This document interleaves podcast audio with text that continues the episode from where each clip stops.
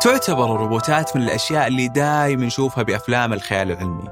والشباب أو الشيبان يذكرون مسلسلات زي جرانديزر أو الرجل الحديدي المليانة بالروبوتات. وممكن تتفاجأ لو أقول لك أنه العرب كانوا سباقين بهذا المجال.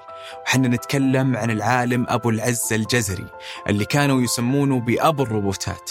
عالم برع بمجال الميكانيكا وكان له تجارب كثيرة ناجحة في مجال الروبوتات. ولكن خلونا نبعد عن الماضي. حنا اليوم نعيش ثورة تقنية لمست كل المجالات. وتحديدا مجال الروبوتات والبدلات الروبوتية. وهذا موضوع حلقتنا اليوم.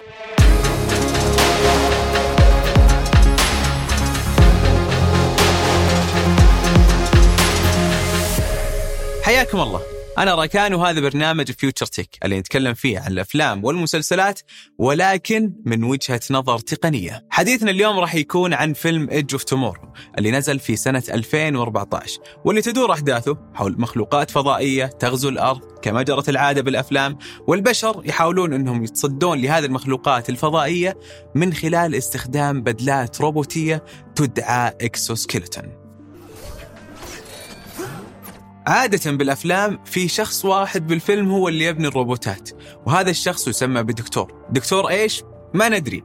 لذلك وش التخصصات الدراسية اللي ممكن تدخل بمجال صناعة الروبوتات؟ يعني مثلا الروبوت أنا بالنسبة لي لو واحد سألني بقول له آه هي من عدة عبارة عن عدة تخصصات. في آه الهندسة الميكانيكية اللي هو تخصصي ومجالي. وفي الهندسة الكهربائية في اللي هو التحكم والبرمجة وبدأت تخش موضوع اللي هو الذكاء الصناعي. بس مو كل الروبوتات فيها ذكاء صناعي ومو كل الروبوتات فيها أصلا آه، يعني نقدر نقول آه، ذكاء في في الحركة. في روبوتات بالريموت. في روبوتات زي نفس البدلات ال skeleton يعني. هذه ما فيها أصلا ذكاء صناعي وممكن ما فيها برمجة. وهنا يتطلب على الشخص إنه يكون قادر على إيصال المعلومة لكل أفراد فريقه بالطريقة اللي يفهمها زي ضيفنا. لما حاول يفهم أجزاء من التخصصات المتداخلة في هذه الصناعة. قصدت المهندس الكهربائي يقدر يتواصل معه أعرف إيش أعطيه له مثلا طلب أقول له والله أنا أبغى أسوي الشيء الفلاني أبغى الشيء الفلاني باللغة حقته فأنا فأنا تخصصي لما يجي أحد عنده مشكلة يبغى يحلها بالروبوت. يكون عندي البداية. يديني المتطلبات اعطيني إيش احتاج إيش يبغى. آه، منها نبدأ نخش في الموضوع أول شيء في البداية طبعا نقعد نحلل الموضوع نطلع المتطلبات نتأكد إنه هذه قابلة للتنفيذ نتأكد إيش التكاليف إيش نحتاج كم الوقت إدارة مشاريع.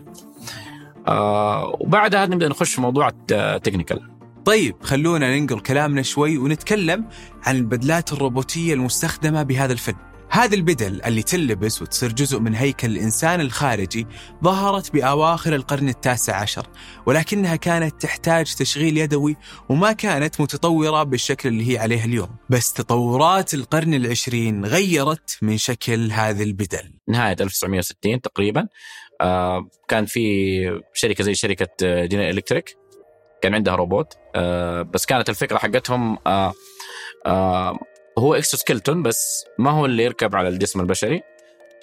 لكنه نقدر نقول هيكل منفصل لحاله. هذه البدلة الروبوتية اللي طورتها شركة General Electric وهي أقرب أنها تكون روبوت على أنها تكون بدلة اسمها Hardiman وكان هدفها أنها تسمح للإنسان يشيل أكثر من نص طن بسهولة.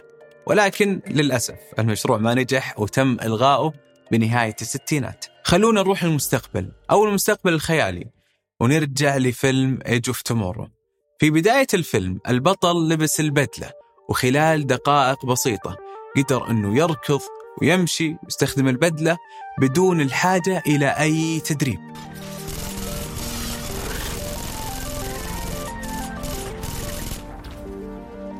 لكن في الحقيقة آه، ممكن من أول مرة فقط في الارتداء البدلة ممكن تسبب له مشاكل في العضلات ممكن تسبب له مشاكل في كسر ممكن تسبب له مشاكل يكون أصلا الجسم ما يتحمل هذه البدلة. آه، لما يكون نقدر نقول آه، قاعد فترة طويلة أو إنه خلاص قرر إنه والله يرتدي هذه البدلة فترة طويلة فلازم ياخذ تدريب. يخلوه يتحرك شوية ويخلوا التحكم في الروبوت أكثر. تدريجيا ابداوا يخلوا يخلوا هو عنده التحكم بحيث إنه خلاص هو الآن آه، جسمه قادر على آه، تحمل آه، نقدر نقول البدلة. وأيضا عقله قادر على إنه كيف يتصرف مع البدلة.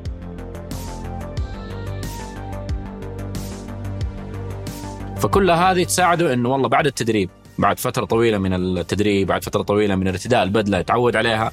جسم الإنسان خلاص يبدأ يتكيف إنه لازم في موجود بدلة أنا عايش معاه. وفيها المشهد اللي لو كنت لابس البدلة وطحت من مكان عالي ففي الغالب ما راح يصير لك شيء لأنه البدلة راح تمتص كل الصدمات وتقوم وتمشي وتكمل حياتك بشكل عادي. في الوضع الحالي لسه لأنه في شغلة اللي هي آه، اللي هو سقوط الحر ولا نقدر نقول إحنا الطاقة الكامنة أو السقوط الحر إنه كل ما تزيد المسافة كل ما زاد نقدر نقول السرعة. كل ما زاد عندك موضوع بيسوي الجاذبية فكل ما زاد عندك السرعة كل ما زاد القوة زادت في في الارتطام مثلا.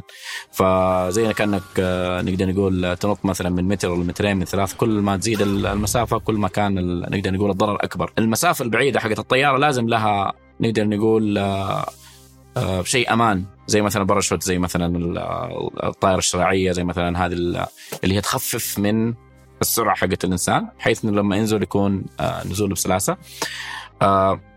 في ممكن يكون بس لسه في المستقبل يحتاج إنه أصلا يعدوا هذه البدلة على السقوط هذا فلما يحتاجوا يعدوا البدلة على السقوط هذا كأنك تقول والله أنا أرمي نقدر نقول آه، مكوك كامل ترميه كذا في هذا وفي ارتدادات في شغلات تتحمل هذا الوزن بحيث إنه من الداخل ما يتضرر. واحد من الأسئلة اللي طرت على بالنا وحنا نشوف هذا الفيلم هي المعايير، حنا ندري في صناعة السيارات وصناعات أخرى كثير في معايير تم الاتفاق عليها. فالسؤال الآن هل في معايير تم الاتفاق عليها بصناعة البدلات الروبوتية؟ في معايير بس ما هي معايير محدد فقط لإكسسكيلتون، في معايير طبية، في معايير إعادة تأهيل، الأجهزة اللي فيها إعادة تأهيل في معايير نقول في كل سوق آه تجاري ف انت لما تسوي skeleton تحاول نقدر نقول تشتغل على بناء على هذه المعايير. فمثلا في المعايير الطبية تعرف أنت في جسم الإنسان فأنت لازم تحط بعض الشغلات قبل ما تبدأ تطلع الجهاز وال exoskeleton على العامة. لازم إنه تأخذ هذه المعايير في الاعتبار عشان صحة الإنسان طبعا وعشان لا تصير في مشكلة. مثلا ال exoskeleton لو كان نقدر نقول أتحرك بعكس اتجاه حركة الجسم فأنت ممكن يصير يكسر وعلى طاري البدلات الروبوتية الطبية. ففي تجربة محلية بين مدينة الملك عبد العزيز للعلوم والتقنية وجامعة توينتي الهولندية. في عندهم exoskeleton خاص بإعادة التأهيل. هو كان تعاون مع جامعة هولندية فكانوا عاملين آه، نقدر نقول exoskeleton آه، إعادة تأهيل الناس اللي فقدوا القدرة على المشي. الهدف من هذا المشروع أنه يساعد الناس اللي فقدت القدرة على المشي أنهم يخضعون للعلاج الطبيعي في الخارج بدال ما يكون داخل المستشفيات. لأنه يكون مثلا في إعادة تأهيل يكون أفضل آه، يستشعر بالبيئة المحيطة يكون آه، نقدر نقول التدريب ولا التمرين حق العضلات أفضل من أنه والله بس يكون آه، في السير. لأنه هو في المعمل يكون موجود في سير كأنه ماشي في التريدميل لكن لما تحطه على أرض الواقع ففي الحركة تكون مختلفة تكون نقدر نقول أقرب للواقع. ما دام للبدلات الروبوتية هذه الفائدة بالمجال الطبي ليش ما نشوفها مستخدمة في المجالات الثانية؟ مشكلة موضوع الاكسسكيلتون إنه تحتاج آه، جهد ووقت وموارد كثيرة. آه، الوقت والجهد والموارد هذه آه، لازم مقابلها إنه في أحد يصرف على هذا الموضوع، فاللي بيصرف أصلا لازم يكون يعتبره زي الاستثمار بيرجع العائد على الاستثمار. فعشان يرجع العائد على الاستثمار لازم يدور له تطبيق يجيب الفلوس. آه، تطبيقات تجيب فلوس عندك زي ما قلت لك المصانع. في عندك اللي هي في بعض الجهات أصلا يعني عندهم آه، مهمات خطرة فيحتاجوا والله إنه إنه في مثلا skeleton يساعد الشخص على على, على هذه المهمات الخطرة. مثلا زي آه، نقدر نقول إذا في أماكن حساسة في أماكن فيها نقدر نقول مواد خطرة زي كذا. فال exoskeleton بيساعده على إنه يحافظ على حياته يعني. في الفيلم نشوف إنه في مرور على بعض الحاجات مثل نظام التشغيل الخاص بالبدلات وحتى البطاريات. فإيش هو نظام التشغيل ولغة البرمجة المستخدمة بهذه التقنية؟ بالعادة الناس تستخدم Linux آه، لهذا الموضوع لأنه في بعض الألواح الكهربائية تبرمج آه، بال Linux. فعشان كده بيستخدموا آه يعني مثلا نقول لغة برمجة آه بيستخدم فيها ال Linux بيستخدم فيها نقدر هذه الألواح. زي مثلا لغة ال Python. باغلب هذه بيستخدم لغة ال Python لأنها إمكانياتها أكبر وأوسع.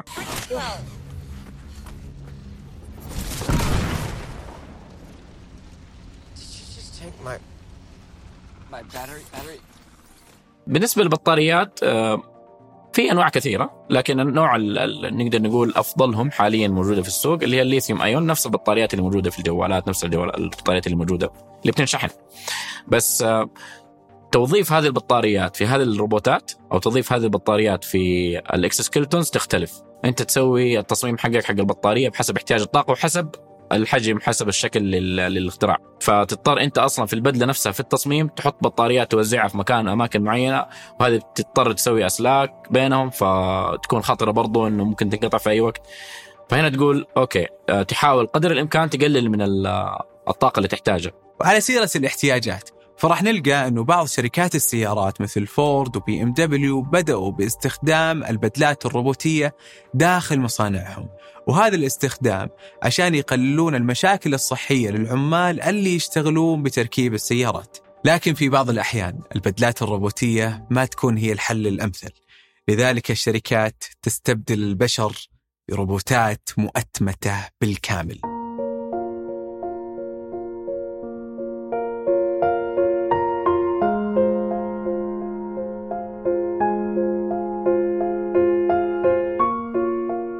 في الروبوتات. وفي ال exoskeleton إحنا بس بنختار مهام معينة. بيسويها الجسم البشري. تمام؟ بن- بنحاول نسوي زي المحاكاة لهذا الجسم البشري بحيث إنه يشيل نقدر نقول صناديق يشيل. لكن ممكن تكون الامثل من إنه والله تسوي skeleton لإنسان يتحرك ويروح ويجي كتجاريا أفضل إنه والله تجيب أنت روبوتات تتحرك وتروح يكون المصنع كامل ولا المستودع كامل يكون ذكي. فيكون كنظام كامل أصلا ما يحتاج تدخل بشري. فهذا بي بيزيد من هامش الربح بيقلل الكثير من التكلفة وبيساعد طبعا الشخص إنه يعني إنه يستثمر في في في في, في الروبوتات أكثر من إنه اكسسكيلتون الاستثمار في الروبوتات المؤتمتة كليا أمر سوته بعض الشركات. على سبيل المثال أمازون في مستودعاتها قدرت أنها تقلل من التكاليف بشكل كبير ولكن في بعض الجوانب المعينة يكون العامل الإنساني فيها مهم. في اتخاذ القرار لأنه أنت مثلا في بعض المهمات ما هي ثابتة تكون متغيرة حسب الطبيعة حقت المهمه فيكون لها علاقة بناس ثانيين لها علاقة ب في ظروف كثيرة متغيرة مختلفة. فتضطر إنه إيه فتضطر إنه يكون لازم في إنسان عشان يتخذ هذه القرارات. الإنسان هو جزء مهم من معادلة تصنيع البدلات الروبوتية لأنه هو المحرك والمستخدم النهائي. لذلك لابد يكون في اعتبارات للمواد المستخدمة في عملية التصنيع. فلو دخلنا فقط في القطع الميكانيكية القطع الميكانيكية بحسب الاكسسكيلتون بحسب حاجتنا ل آه، هل يتحمل صدمة مثلا؟ فما ينفع نخليه بلاستيك لأنه ينكسر. لكن لو قلنا مثلا استخدمنا مادة زي الألمنيوم والحديد بيتحمل الصدمة لكن مشكلته إنه وزنه عالي. فلما يكون وزنه عالي لسه الإنسان بيضطر بيشيل هذا الوزن والحركة حقته بتكون ثقيلة. فإيش يسوي؟ نقعد ناخذ مواد زي المواد المركبة اللي هي الألياف الزجاجية والألياف الكربون. هذه بتكون خفيفة بتتحمل صدمات بتتحمل شغلات كثيرة. أيضا في مواد اللي هي بيستخدموها بعض الأحيان في آه، في الفضاء. تكون أصلا مواد أقوى شوية من هذه المواد آه، بس تكلف. فنرجع مرة ثانية لموضوع التكلفة. هل أنت تبغى التكلفة هذه هل تقدر تتحملها؟ عشان تقدر أنت تصنع بالمواد اللي هي ممكن طريقة عمل هذه المواد تكون أصلا غالية. العملية حقت صناعة هذه المواد تكون غالية. فأنت تضطر تدفع مبالغ غالية عشان عندك احتياج صعب. طيب لو نبغى نكبر المسألة شوي ونبغى بدلات روبوتية عملاقة بحجم العماير زي ما نشوف ببعض الأفلام. في موجود تبي تشتري موجود. أنا المورد لا. متى تقدر أنت ممكن تشوف هذه الروبوتات العملاقة على أرض الواقع؟ لما أنت توجد لها احتياج تجاري أو احتياج يكون مدير للدخل. فتقدر تقول أوكي الآن أنا آه، ممكن ألاقي مجال واسع وألاقي سوق إنه ممكن هذه الروبوتات تبدأ تتطور وتتحسن لأنه الاتجاه التجاري الاتجاه التجاري راح هناك إنه والله في ناس لقوا سوق واعد فاشتغلوا فيها واستثمروا فيها وقتهم وجهدهم وفلوسهم. تقول والله الآن ممكن ال- الخط هذا يمشي. لحد الآن تكلمنا بشكل إيجابي عن البدلات وفوائدها وكأي تقنية لابد يكون في مخاطر لازم نحطها في بالنا لو جينا نشتغل عليها. أتصور إنه في ال exoskeleton في عندك آه، بعض المخاطر مثلا زي نقدر نقول آه، إذا في أحد ثاني يتحكم بهذا ال exoskeleton مثلا عن بعد فأنت تضطر إنه هو بيتحكم فيك. ما تقدر تطلع من هذا ال exoskeleton يكون هو معتمد أصلا على نقدر نقول إشارات ولا معتمد على تحكم آه، فيها كهرباء يعتمد على التحكم يكون نقدر نقول في برمجة معينة. فيصير ممكن أحد ثاني يهكر على ال على الاكسسكلتون هذا. هذا الكلام يفتح لنا المجال إننا نفكر في أمور مستقبلية وتخصصات جديدة، يعني ممكن بالمستقبل نشوف تخصص في أمن الروبوتات فقط، زي ما هو صاير هذه الأيام بتخصص الأمن السبراني، وهذا الجميل بالتقنية. إنها تفتح لنا أبواب جديدة، أبواب ما كنا متخيلينها قبل كذا. وزي ما شفنا وسمعنا في هذه الحلقة، مجال البدلات الروبوتية ما زال مجال يستكشف من قبل الخبراء اللي يحاولون إنهم يجدون أفضل الاستخدامات سواء من ناحية طبية أو حتى صناعية وزراعية. في الختام لا تنسون تشاركونا تعليقاتكم وتشتركون بالقناة. نشوفكم على خير.